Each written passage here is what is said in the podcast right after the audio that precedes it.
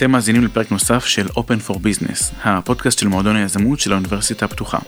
אני מרום גולדשמיט, בוגר תואר ראשון בהנדסת תעשייה וניהול ותואר שני במנהל עסקים, שניהם באוניברסיטה הפתוחה. אני גם אחד מהמנהלים של מועדון היזמות בתוכנית למנהל עסקים של האוניברסיטה הפתוחה. האורחת שלנו היום ב-Open for Business היא עורכת הדין עינת בונן כץ. עינת היא כאמור עורכת דין בהשכלתה, יש לה תואר ראשון LLB במשפטים וגם BA במנהל עסקים. שניהם מהמרכז הבינתחומי בהרצליה. עינת גם עובדת בתחום של עריכת הדין מזה כעשר שנים. היא התמחתה במשרדים גדולים בתחומים של משפט מסחרי, קרנות הון סיכון, חברות הייטק וסטארט-אפ. היום עינת מנהלת את הקליניקה להנגשת המשפט לסטארט-אפים במרכז הבינתחומי הרצליה, ובמסגרת הקליניקה ניתן ליווי משפטי ועסקי למאות יזמים ומיזמים. עינת, ברוכה הבאה לפודקאסט. תודה יש. משהו שחשוב לך להוסיף למה שאמרתי עד עכשיו? אה, די מיצית. אוקיי. אה, סך הכל באמת אה, אמרת נכון, אני בתחום משנת 2010. אה, תח- התחום אה, התמחות שלי הוא משפט מסחרי, בדגש על חברות הייטק וסטארט-אפים, אה, אה, עסקאות מורכבות, השקעות, קרנות הון סיכון, אה, עסקאות בינלאומיות וכדומה. אה, ורקע. יפה, מעניין, אני מקווה שנספיק לה- להגיע לחלק מהנושאים האלה בהמשך, אבל לפני זה בואי נכיר אותך טיפה. יש לנו שאלון קבוע בפודקאסט, ואנחנו שואלים בקצרה שאלות, אה, מה שנקרא, אה, בלי לחשוב יותר מדי, אז אני שואל ואת עונה, נעשה איזה פינג פונג של כמה שאלות כאלה, ואז נמשיך. אוקיי. אחלה. ספרי לי בבקשה על שני רגעים מהחודש האחרון, אחד אולי טיפה יותר חיובי, והשני אולי טיפה יותר אה, קשה, מאתגר, שלילי אולי אפילו. אה, אז מאתגר זה, אני חושבת שבאמת הכריזו על פתיחת המשק וחזרת הגנים, וכאלה חדשות טובות, שתי הבנות שלי חטפו אה, וירוסים אה, מפריעים כאלה, ונאלצתי להמשיך את ה- תקופת הסגר בבית לעוד איזה שבוע או יותר. לא פשוט בכלל. לא, לא. בנות כמה הבנות? אחת עוד מעט בת חמש, והשנייה ממש עוד כמה ימים בת שנה. שנה, וואי, גילאים מאתגרים, לא פשוטים. מאתגר, מאתגר. אוקיי, אבל מה שחשוב זה שצלחת את הרגעים האלה. צלחתי את הרגעים, כולם בריאים, תודה לאל, וחזרו למסגרות. יפה, אז בקצה השני של הספקטרום, מה היה דווקא חיובי ומעורר אה, רוח ורגשות? אז בהמשך לזה שבאמת אה, כולנו רואים את ההתקדמות של הקורונה ואת סופה, אז אה, סוף סוף יצא לי לפגוש את הסטודנטים שלי פנים מול פנים. מה את אומרת? זה היה ממש נחמד, כן. אחרי מה, שנה שלמה שלא ראית אותם? כמעט שנה, הכל, הכל התנהל בזום עד עכשיו, אז לא, לא יצא לי להכיר אותם. יפה, ועוד ישבתם אה, באוויר הפתוח, אני מניח. אנחנו ו- לפי הנחיות, באוויר הפתוח. כמובן, מרחק. כן, כן. יפה. אה, יש אה, משהו מהתקופה האחרונה שהיית עושה אחרת, אם היית יכולה? אמ, אני לא חושבת. אני חושבת שמצאתי את האיזון הנכון בין אה, חיי העבודה לחיי המשפחה. מצאתי את האיזון בין, בין אה, אמ, עבודה נכונה וזמני עבודה נכונים לבין חלוקת הקשב שלי לילדים, לתינוקת חדשה שנולדה, לבעל שיוצא החוצה לעבוד ואתה נשאר בבית. אמ, אני חושבת שהפקתי את המקסימום, עשיתי את הכי טוב שאני יכולה ו... אמ, אין לי מש... דגש על משהו לשפר. ממש אה, חיה את החלום. ממש, עם כן. ה-work-life balance. ממש, ממש. יפה. תגידי, עינת, יש משהו שאנשים לא יודעים עלייך והיית רוצה שידעו? רוצה שידעו. אה, אני בן אדם אה, אה, די פתוח, אז מי שבאמת מכיר אותי, אני חושבת שמכיר אותי ממש טוב, כי אני משתפת, אבל אולי על זה שהייתי צלפית וקלעית בצבא. הייתי לוחמת, ואני בהכשרתי קלעית וצלפית, אני הורה מגיל 16. כלומר, אז מי שמעצבן אותך כדאי שייזהר. שיזהר, כן. שישמור מרחק. כן. או להיות עם שכפ"ץ לכל הפחות. יפה. יש לי עוד שאלה מעניינת לשאול אותך, תגידי, כמה זמן לוקח לך להתארגן בבוקר? וואו, וואו, עכשיו עם הגדולה, עם הדעות שלה והקטנה, אני יכולה להגיד לך שכל דבר זה שוטף פלוס שעה. fair enough. כן. אחרי שהכרנו אותך, אה, מה שנקרא, את, ה, את הבסיס, את המהות, ספרי לי את במילים שלך במשפט, מי זו עינת כץ? אמ, קודם כל אני אימא. אני אימא לאמה ולמאיה. אמ, אני בן אדם, אני חברה. אני חברה מאוד טובה. אני אישה לבעלי אורי. אמ, אני בן אדם מאוד אכפתי. אני בן אדם קשוב. אני בן אדם שמאיר שצריך ומרים שאפשר. אה, חשוב לי לעשות את מה שאני עושה בצורה הטובה ביותר ו, אמ, ולהפיק אה, לקחים ולהשתפר לפעמים הבאות. אמ, זה, זה אני. יפה, קצר ולעניין כן. וחיובי, זה מה שחשוב. תודה רבה על התשובות, ואין ספק שהשנה האחרונה הייתה לא פשוטה. ידועה לשמצה בכינוי שנת הקורונה, היא הייתה גם מאתגרת עבור לא מעט תחומים וסקטורים במשק. האם הייתה לכך השפעה כלשהי על הקליניקה המשפטית שאת מנהלת? ולפני שתסבירי על זה, אולי גם תגידי בכמה מילים מה הקליניקה עושה. אוקיי, okay. אז הקליניקה להנגשת המשפט לסטארט-אפים אה, במרכז הבינתחומי היא קליניקה ייחודית במינה, אנחנו, אין עוד קליניקות כאלה בארץ. אה, אנחנו הוקמה בשנת 2014, אנחנו כן. באמצע השנה השביעית שלנו. מה שאנחנו עושים זה בעצם נותנים אה, ייעוץ משפטי בחינם לסטארט-אפים וליזמים מאוכלוסיות בלתי מיוצגות בקהילה, שזה כולל אה, חרדים, ערבים, אה, אנשים אה, במצב סוציו-אקונומי נמוך, אה, אוכלוסיות מהפריפריה, אה, עולים חדשים, נשים וכדומה וכדומה. אמ, אנחנו עובדים בשיתוף פעולה עם שני משרדי עורכי דין ומשרד רואי חשבון, פרל כהן ומיתר, ומשרד אה, רואי חשבון אה, עמוס כץ, שהם בעצם מלווים אותנו במקרו, הם אה, נותנים לנו... אמ, הדרכה לסטודנטים ועזרה כשאנחנו צריכים, ואחרי התוכנית הם גם מאפשרים איזושהי תוכנית נוחה למיזמים שלנו. בעצם התוכנית בנויה לאורך שנה אקדמית, יש לנו 20 סטודנטים למשפטים שאנחנו מכשירים מחדש כל שנה. אה, בליווי שלי אה, אני מלמדת אותם בעצם את כל הדברים העיקריים שצריכים בחיי הסטארט-אפ משלב ההתחלה ועד סוף השנה האקדמית. אנחנו פלוס מינוס מתחילים במצב של סיד פרסיד ומקווים גם להגיע להשקעה בסוף השנה הזאת. אה, הליווי הוא מאוד אישי, הוא מאוד אינטנסיבי, אנחנו מאוד קשובים וזמינים ללקוחות שלנו, מאוד מאוד אכפת לנו. אמ, וזו קליניקה מדהימה, באמת. אה, אם לא אמרתי, זה כמובן ללא, ללא תשלום, זה חינם לחלוטין, אמ, וזה מבורך, יוזמה מבורכת. אין ספק. אם אה, שאלת איך זה השפיע עלינו, אני דווקא חושבת שאני ראיתי אה, אה, שינוי מבחינת כמות המיזמים. בדרך כלל אה, יש איזושהי כמות מסוימת של מועמדים שמגישים אה, מועמדות כל שנה, והשנה זה גדל, לפחות ב-20 אחוז. דווקא גדל. גדל, אני הופתעתי מאוד, וזה גדל, ואני הופתעתי לטובה. אה, אני חשבתי שכל משבר הקורונה נורא ישפיע על עולם היזמות, ואולי איפשהו יוריד, כי אין את הביטחון הכלכלי, ועכשיו בכלל אין ביטחון כלכלי בעולם, אז אולי זה אה, אנשים שכן אה, עובדים על סטארט-אפ ייקחו צעד אחורה ויחפשו משהו שהוא יותר, יותר אמין מבחינה כלכלית, אבל זה לא קרה. זה לא קרה, אז אני ממש ממש שמחתי לראות את זה, שיש לנו יותר אפשרויות לעזור, ו... אה, אנחנו מנסים, אנחנו מנסים לקבל יותר ממיזמים ממה שאנחנו בדרך כלל, כמה שיותר לעזור, אנחנו משתדלים. הייתי יכול לחשוב אולי על שני הסברים למה, למה זה קרה, הגידול במספר הבקשות. יכול להיות שא' אנשים היו מאוד משעממים בבית בסגרים וחיפשו מה לעשות, וגם יכול להיות שאנשים שלא היו יזמים או שזה תמיד היה מאחור של הראש שלהם, חשבו שאולי עכשיו זה הזמן דווקא לעשות שינוי, הרבה אנשים עשו שינוי. אז יכול להיות שחלק מהיזמים עברו למשהו כמו שאמרתי יותר בטוח, אבל מצד שני הרבה מהשוק האחר של השכירים, השוק היותר מסורתי, דווקא כן חשבו על ללכת על מיזמים כדי ליצור לעצמם איזה ביטחון אולי לא קבוע בהתחלה אבל משהו שאולי בסוף יניב להם איזה משהו. אז אולי זה דרך שאפשר להסביר את זה. אין ספק אין ספק. תראה אם, אם השנה הזאת לא גרמה לנו לעשות שינוי אז אני לא יודעת מה יגרום לנו. זו זה היה שנה מלאה בשינויים ו, ודברים כאלה. אז, אז לטובה. איפשהו לטובה. כן. אמרת קודם שיש 20 סטודנטים כל שנה כמה מיזמים מלווים? אז יש לנו באמת 20 סטודנטים שהם uh, עובדים בזוגות, אז אנחנו מלווים עשרה מיזמים באופן פורמלי, אבל uh, מיזמים כמיזמים, יש uh, פיקים, יש שינויים בחיים של עולם הסטארט-אפ, אז אנחנו, אם אנחנו רואים לאורך השנה שאנחנו יכולים לקבל מיזמים נוספים, אז אנחנו בהחלט עושים את זה. אז באופן פורמלי עשרה מיזמים, באופן לא פורמלי זה איפשהו תמיד יוצא באזור ה-13. אה, יפה. כן. אולי זה השלב לציין אה, פריט טריוויה מעניין, אה, בעצם שחיבר את שנינו כאן בפרק הזה, אה, אנחנו מדברים כמובן על עמית שמני וחברת ברידג'יפיי, שהייתה, לוותה למעשה על ידי הקליניקה שלך לפני כמה שנים. נכון. אז לא היינו כאן בלעדיך עמית. נכון, נכון, עמית, תודה. ספרי לי מה יוצא לסטודנטים שלוקחים חלק מהקליניקה.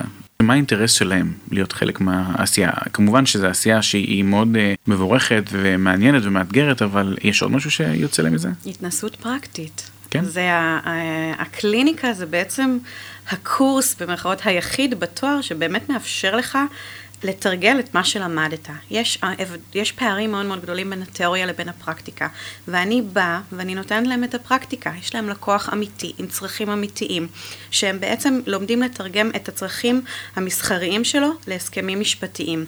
הם לומדים לחבר גם את העולם המשפטי לעולם העסקי, לעולם הרגשי של היזם. הם מגיעים עם, בעצם הם, הם צוברים איזשהו פער. על סטודנטים שלא, למשפטים, שלא משתתפים בתוכנית הזאת, והם מגיעים להתמחות כבר עם המון המון המון ידע שלאחרים ייקח זמן להשלים אותו.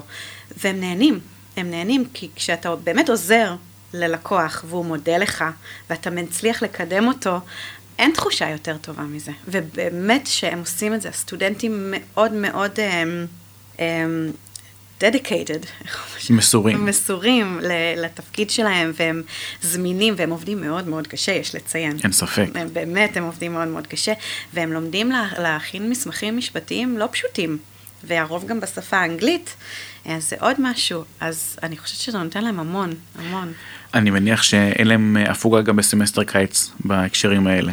אה, אנחנו עובדים לאורך כל השנה. כן. אה, אני כמובן מנסה לווסת להם את זה בתקופת המבחנים, וככל שיש אה, יותר דברים ברקע, אז אנחנו מנסים לא לתת להם את זה בפול גז, אבל בגדול, יש כאן לקוח, כן. והוא מתווה את הקצב. וזה לא כאילו שאם הם היו במקום הקורס הזה בטרום התמחות, אז זה היה שונה. זה אפילו היה יכול להיות יותר גרוע, אם הם היו בטרום סטאז'. אז לא יודע. אני לא בטוחה, אני לא בטוחה, כי אצלנו זה לא שלוש פעמים בשבוע טרום התמחות הזה. אני באמת מצפה מהם להרבה, אבל הם רוצים את זה, הם באמת לומדים ויש תמורה לעשייה שלהם. אז, אז זה טוב. יפה, כן, זה באמת נשמע מעניין ומאתגר, ושבמקרה הזה אולי השלם גדול מסך חלקיו. איזו התייחסות יש, אם בכלל, לרקע ממנו מגיעים הלקוחות של הקליניקה? כי דיברנו קודם על ההיבטים המשפטיים הנקיים, בואי נקרא לזה ככה, וההיבטים האקדמיים, אבל האם יש שינוי כלשהו ש, שהסטודנטים עושים בהתייחסות שלהם ל, לרקע של אה, אותם יזמים? לא. כמובן שהם צריכים להתאים את עצמם, אה, אבל אנחנו, אה, כשאני מקבלת, כשאני בוחרת את המיזמים אה, לקליניקה, אני אנסה לבחור כמובן את היזמים באמת שמגיעים מאותן אוכלוסיות מטרה, אבל אני כמובן צריכה לוודא ש... תהיה מספיק עבודה לאורך השנה. כלומר, אם uh, באמת הגיע עולה חדש והוא קם בבוקר ויש לו רעיון למיזם חדש, אבל אין לו עוד שום דבר מעבר, כרגע אולי זה לא הזמן הנכון לקבל אותו לקליניקה. אז אני מקבלת את המיזמים באיזושהי תקופת בשלות מסוימת, והסטודנטים מקבלים את הפורטפוליו שלהם, הם צריכים ללמוד אותם, ואז אנחנו נפגשים ובעצם מכירים קצת יותר לעומק. אז... ככה הם, הם לומדים להכיר את הבן אדם שמולם, הם לכבד את הגישות שלו, את הדעות שלו. אני יכולה לציין אה, השנה שיש לנו מיזם שאחת אה, הבקשות שלו הייתה מאוד קשה, מוסרית לסטודנטים. זה משהו שהם לא האמינו, האמינו בבקשה הזאת, זה, זה לא התחבר להם, ואני הסברתי להם שזה הלקוח, אתם לא מייצגים את הדעות שלו ואתם לא הוא, אבל זה הבקשה שלו. וכמובן כל עוד אין כאן איזשהו משהו שהוא לא חוקי, אז אנחנו צריכים לכבד את זה ולייצג אותו משפטית. וזה גם משהו שהם הבינו, והם מאוד מכבדים אותו, והם אה, מגיעים ממגזר אחר לגמרי, וזה משהו שהם למדו, ואני חושבת שהם ייקחו את זה הלאה, כי לא כל הלקוחות זה בעצם מי שאתה. כן, זה חלק אה, חשוב ובלתי נפרד מבגרות מקצועית. דיברת על אה, מגזר שונה, אוכלוסיות שונות ואוכלוסיות מטרה. יש אה, משהו שאולי לא הרבה יודעים, אבל בחברה הערבית למשל, אין נגישות למידע וגם מבחינה תרבותית. אין ידע בכלל שקשור לנושא היזמות וגם הגישה שלהם רחוקה מאוד מהעולם הזה. השאלה הקודמת שלי בעצם ניסתה להבין האם תהיה התייחסות למישהו שבכלל מגיע מרקע אחר ומעולם מושגים שונה לגמרי.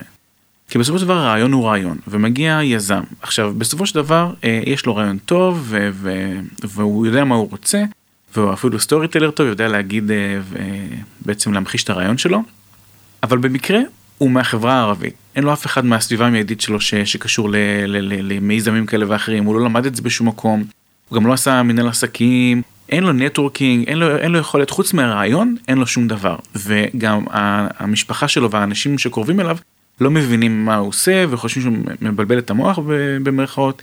יש uh, משהו שהקליניקה עושה כדי לעזור לאותו אחד ש, שכן יהיה במצב של אישור קו עם שאר הסטארט-אפיסטים? כן, קודם כל, כל, כל יזם שמגיש לנו מועמדות ויש לו אה, רעיון אה, מעניין עם איזשהו אה, אה, מוצר שהוא באיזשהו הליך פיתוח, אה, מוצר זה גם שירות מבחינתי, צוות שהוא קצת מגובש, מבחינתי זה לא משנה מאיזה מגזר הוא מגיע, נהפוך הוא. ככל שבאמת, אתה אומר, למשל ניקח את דוגמת המגזר הערבי שאין לו את הגישה לעולם הסטארט-אפים שאנחנו חיים בו, אז אני אזמין אותו יותר. אני ארצה לגשר על הפערים האלה. אז בוודאי ובוודאי, יש לנו את כל הכלים לתת לו את הליווי המקיף הזה, באמת להביא אותו לנקודה שבה הוא, שהוא יסיים את השנה הזאת איתנו, כבר משרדי עורכי דין יחטפו אותו בשמחה, כי באמת יש כבר משהו שהוא מתקדם ואפשר לעבוד איתו. כן, אנחנו גם מאוד מנסים לקשר אה, בעולם העסקי ובעולם הפיננסי, ובאמת לתת הרבה מעבר, מעטפת מאוד מאוד טובה, מעבר לשירותים המשפטיים שאנחנו נותנים בליבה של השירותים. יפה. אז, אה, כן. מסקרן אותי לשמוע האם פעם היה מיזם או, או יזם או יזמת מהעדה האתיופית אצלכם. לא. לא? אז הנה קול קורא לכל אותם יזמים מהקהילה האתיופית, עינת מחכה לכם. מאוד, מאוד נשמח. לפני שנמשיך לדבר על הקליניקה ועל העבודה הטובה שאת והסטודנטים עושים במסגרתה, אני אשמח אם נדבר עלייך טיפה. היה לי הימור עם עצמי, שבתשובה לשאלה של משהו שלא יודעים עלייך, תעני שהיית אה, צלפית ולוחמת ב-MLRS, בתותחנים. דווקא, לא יודע, איכשהו הייתה לי תחושה כזאת. Okay. אוקיי. כי ברגע שגיליתי את הפרי טריוויה, אז אמרתי, אין מצב שאנחנו לא מדברים על זה. אוקיי. Okay. אבל מה שאולי אנשים לא יודעים זה שהתגוררת ארבע שנים בסינגפור גם. נכון. אז uh, ספרי לי מה הסיפור מאחורי סינגפור. אוקיי, okay, אז אבא שלי אז עבד uh, בחברת אלביט מערכות. ובאמצע כיתה ב' הודיעו לי שאנחנו עוברים לסינגפור, אז uh, לא ידעתי מילה באנגלית, ולקחנו, ארזנו את המזוודות כמו שאומרים, ונסענו במקור לתקופה של שנתיים. Um, בסוף נשארנו ארבע, אני הייתי רוצה להישאר יותר. אה, וזה היה נהדר, זה חשף אותי לתרבות אחרת, אה, אני חושבת שבאמת יש לי חינוך אחר בזכות זה, יש לי אנגלית כמובן, האנגלית שלי ברמת שפת אם, בזכות סינגפור. אה, אבל זה היה נהדר, זה היה באמת באמת חוויה מדהימה שהלוואי והייתי יכולה לתת אותה לילדים שלי, כמו שנתנו לי.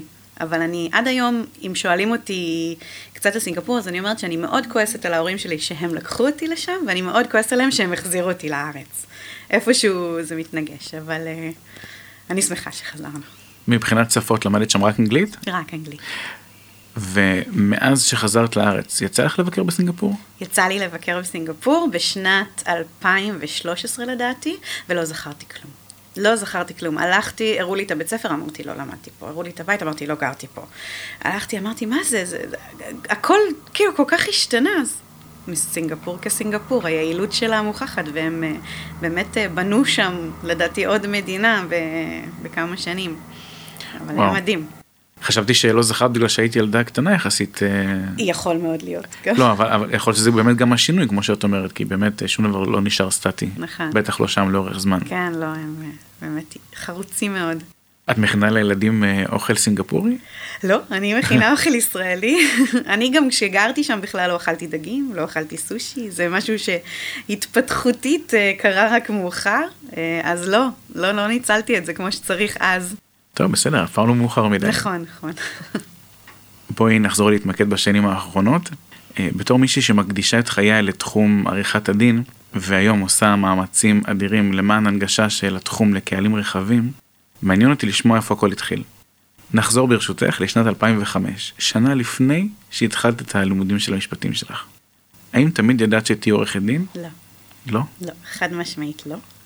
אמ, אני בכלל בצבא, אני זוכרת שלפני החבשש, ככה ישבתי פינת סולה כזה, והייתי בטוחה שאני אהיה מעצבת פנים או מעצבת אופנה.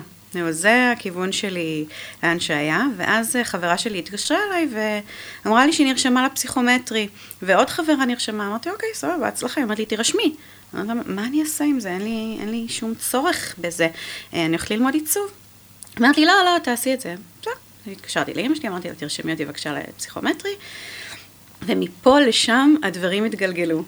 דוד שלי עורך דין, אז זה לא היה זר לי, ו... כולנו נרשמנו ללימודי משפטים במנהל עסקים הבינתחומי. כן, okay. כן. אבל אני תמיד אומרת שלכל דבר יש סיבה. ואני מאוד שמחה על התואר הזה ועל הניסיון וחשיפה לזה. אז כמו שאומרים, כל השאר היסטוריה. לגמרי. אז התחלתי את הלימודים, לומדים בהתחלה הכל מהכל, ובשלב מסוים צריך לחשוב על התמחות, על סטאז'. איך משם הגעת למה שעסקת בו לאחר מכן? קודם כל, כשאני uh, למדתי, לא הייתה את התחרות המטורפת כמו היום, התחרות לה, להתמחות. Uh, אני בשנה ג', uh, שזה עוד היה נחשב מה-late bloomers, אמרתי שצריך לגשת לרעיונות, והתראיינתי לכל מיני משרדים גדולים, בינונים וזה, ואז הגעתי למשרד קנטור ושות', וראיינה אותי אחת השותפות, רחלי קבלרו, והתאהבתי. פשוט התאהבתי בה והתאהבתי במשרד, לא באמת ידעתי מה כל תחום אומר. ופשוט הייתה לי הרגשת בטן ששם אני צריכה להיות, ממש. וברעיון השני עם אה, רונן קנטור, שהוא היה אחד המייסדים, אז הוא אמר לי, למה את רוצה, מה, כאילו, למה את רוצה את התחום הזה? את, את מבינה בדיני חברות? אמרתי לו, אני מבינה מה שלמדתי בקורס, אני לא מבינה מעבר, אבל אני חושבת שזה מה שאני רוצה לעשות. ו... ואני ממש שמחה שהם נתנו לי את ההזדמנות, כי אני למדתי מהם המון, אני הייתי שם למעלה משש שנים. אז הכל קרה במקרה, לא היה לי איזשהו מסלול מתוכנן, אבל זה תחום שהוא כל כך נכון וכל כך אפשר להתפתח ממנו, וגם נפלתי, נפלתי במרכאות על, על מעסיקים ו- ומנטורים כל כך טובים וקשובים ו- ו- ועם נכונות ללמד, שזה פשוט פתח לי המון המון דלתות. ו- ואנחנו בקשרים טובים עד היום, ואני תמיד אה, ארגיש שם אה, אה, בבית, וזה נורא כיף. אז, אז במקרה, המקריות ש... שהייתה צריכה לקרות. איזה יופי. אפשר גם להגיד שסיפור החיים שלך מוכיח שמאז לקחת את הנושא בשתי ידיים ואת ממש מקדישה את כל האנרגיות שלך ואת המאמצים לתחום הזה, שזה מעורר השראה. כל האנרגיות. נחזור קדימה בזמן להיום. לטוב ולרע, מי שמנהל יוזמה או ארגון כלשהם, מקנה למקום שאותו הוא מנהל או לארגון, הלך רוח שמעיד עליו כאדם. לכן חשוב לי להבין איפה האופי הייחודי שלך וניסיון החיים שלך פוגש את הקליניקה מבחינת אופי הניהול וההתנהלות השוטפת. אני חושבת שבעצם העורכת דין שאני היום, המורה שאני היום, ה... ה... החבר... הקול שאני היום זה בעצם מהאנשים שלמה... שהכרתי לאורך הדרך, ו... וככה אני מנהלת את הקליניקה. אני לא חושבת שאני קשוחה מדי, אבל אני חושבת שאני קשוחה במידה הנכונה כשצריך להיות. למשל, אה, יש לנו אה, סט כללים מאוד מאוד נוקשה, ועליו אני מאוד אשים דגש ואני לא אתפשר. אני אתפשר איפה שאפשר להתפשר, אני לא אתפשר על מקצועיות, אני מאוד אלמד, אני מאוד אנסה להרים אמ, ולא להוריד, כי אני מאמינה בדרך הזאת. ואני חושבת, ש... חושבת שזה מאוד ניכר בדרך ניהול שלי בקליניקה. אני באמת מאוד מאוד מאוד אכפת לי מהקליניקה, ואני נותנת את כל כולי בניהול שלה. אז אם זה אומר להיות זמינה ללקוחות מתי שצריך, ו... ועכשיו להרים שנייה טלפון או שיחת זום עם הסטודנטים כדי לכבות איזושהי שרפה, אז זה יקרה. אנחנו לא ניתן לדברים אה, אה, לשקוע או להגיד לא, זה בלי כסף, זה ממש לא. אנחנו, אני רואה את זה כמשהו שהוא סופר חשוב וסופר מקדם, וזו הגישה שלי וזו הגישה שאני מעבירה לסטודנטים, והסטודנטים הם סטודנטים מאוד מאוד חרוצים, ומי שנרשם לקליניקה ומתקבל רוצה להיות שם, אני חושבת שזה, שזו הדרך, לעשות את זה עם נכונות, עם אה, איזושהי סובלנות ו- ורצון לקדם. זה הייחודיות נקרא לזה. מעולה, בהחלט נשמע ייחודי.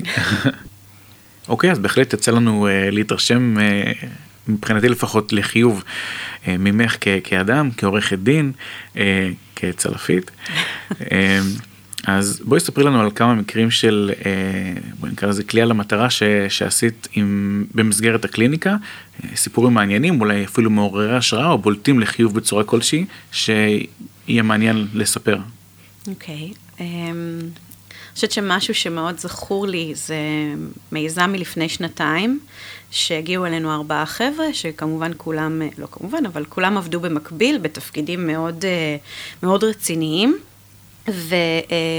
והגענו למצב שפתאום הם ראו איזה משהו באתר שלהם, שהאתר עוד לא היה פעיל, אבל איכשהו הם עלו על זה, בום, ארבע אה, כתבי אה, תביעה, אה, הפרת זכויות, אסור לכם, נה נה נה נה נה, ואנחנו הסטודנטים כולם נלחצו, ואנחנו אומנם לא מייצגים בבית משפט, אבל הגענו, הצלחנו לסדר את זה לא בבית משפט, אבל, אבל חיבינו את השרפה הזאת. אנחנו הוכחנו שהדברים הם לא כפי שהם נראו, שהם לא עברו על הסכמות, הסכמי חוזה העסקה שלהם, ובעצם הגענו, הגענו לפשרה הנכונה, שהם לא אה, יהיו אה, בסיכון יותר, אה, מקום העבודה שלהם אה, לא בסיכון, ו... ו המיזם יוכל להמשיך במתווה כזה או אחר.